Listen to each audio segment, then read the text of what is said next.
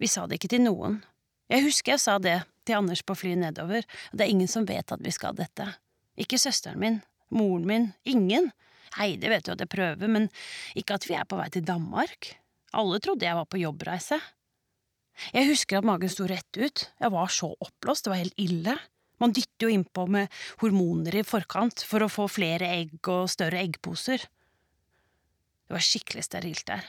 Det var ikke storken, det het noe annet, men uh, var samme opplegget. Strøket rundt var shabby med masse narkomane.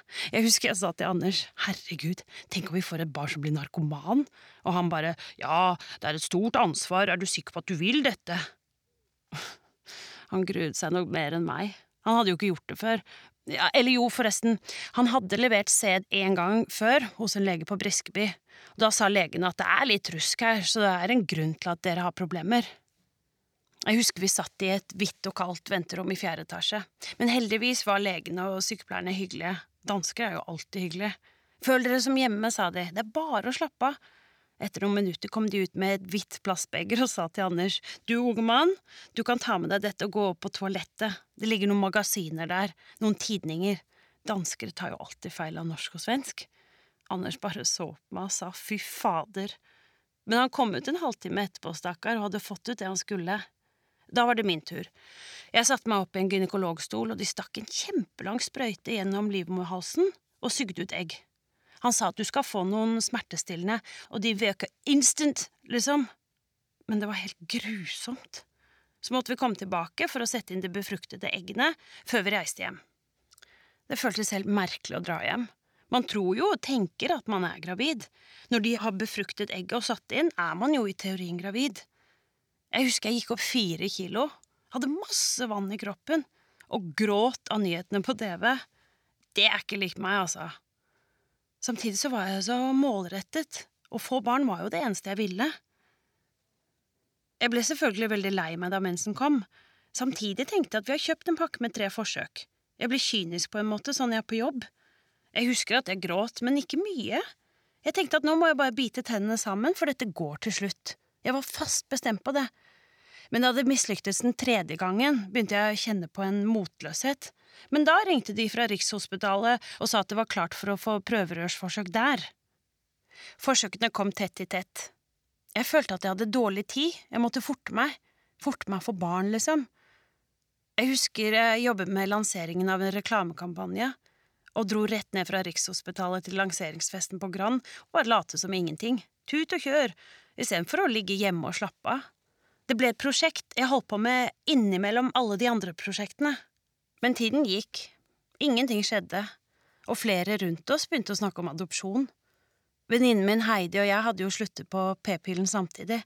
Ja, vi ville samkjøre det, da, men mens hun ble gravid på første forsøk, og nesten fikk sjokk, varte og rakte med meg, men hun sa dere to må jo bare få barn, dere er så bra sammen og kommer til å bli perfekte foreldre.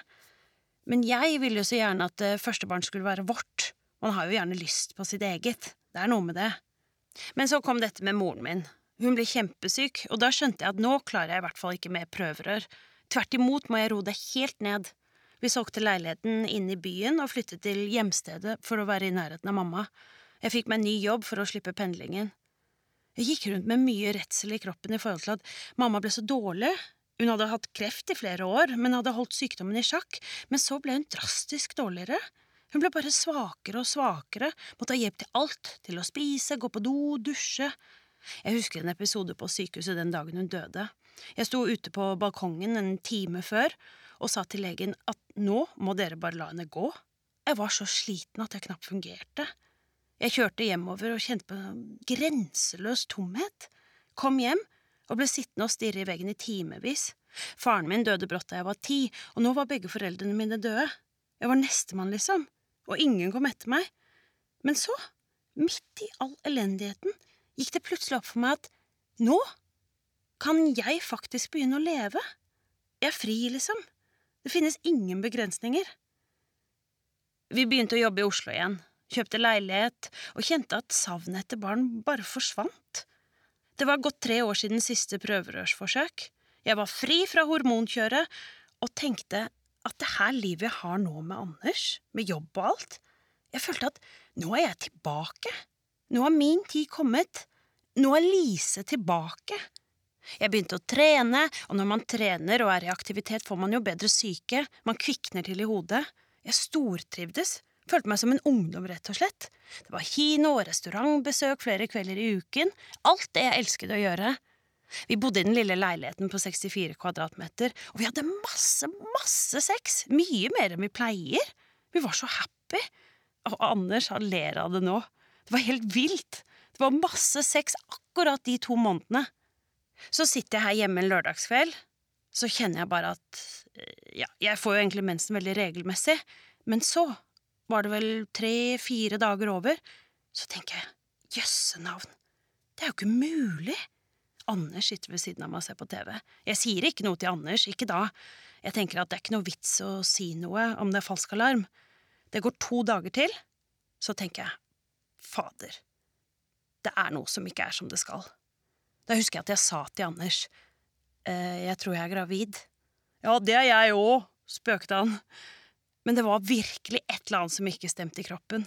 Jeg hadde vonde bryster og en slags murring i underlivet uten at det kjentes ut som om det var mensen som var på gang. Jeg tenkte at det kan ikke være sant. Jeg kjøpte en test, men det måtte tas 14 dager etter uteblitt menstruasjon, så jeg ventet. På den 14. dagen tar jeg testen ut av pakningen klokken kvart på fem om morgenen før jeg skal i et møte. Jeg sitter på toalettet og ser det blå krysset på pinnen og tenker at det er pokker ikke mulig.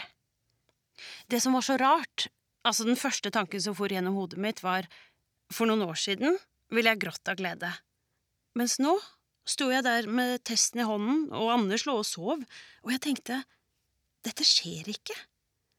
Jeg hadde endelig fått tilbake friheten min. Det siste jeg ville, var å bli en gammel mor. Jeg begynte jo å nærme meg 40. Det er altfor sent, tenkte jeg. De fleste jeg kjenner, begynner å få ganske store barn, ikke sant? Du har hørt utdrag fra Kvinner og menn av Sonja Evang.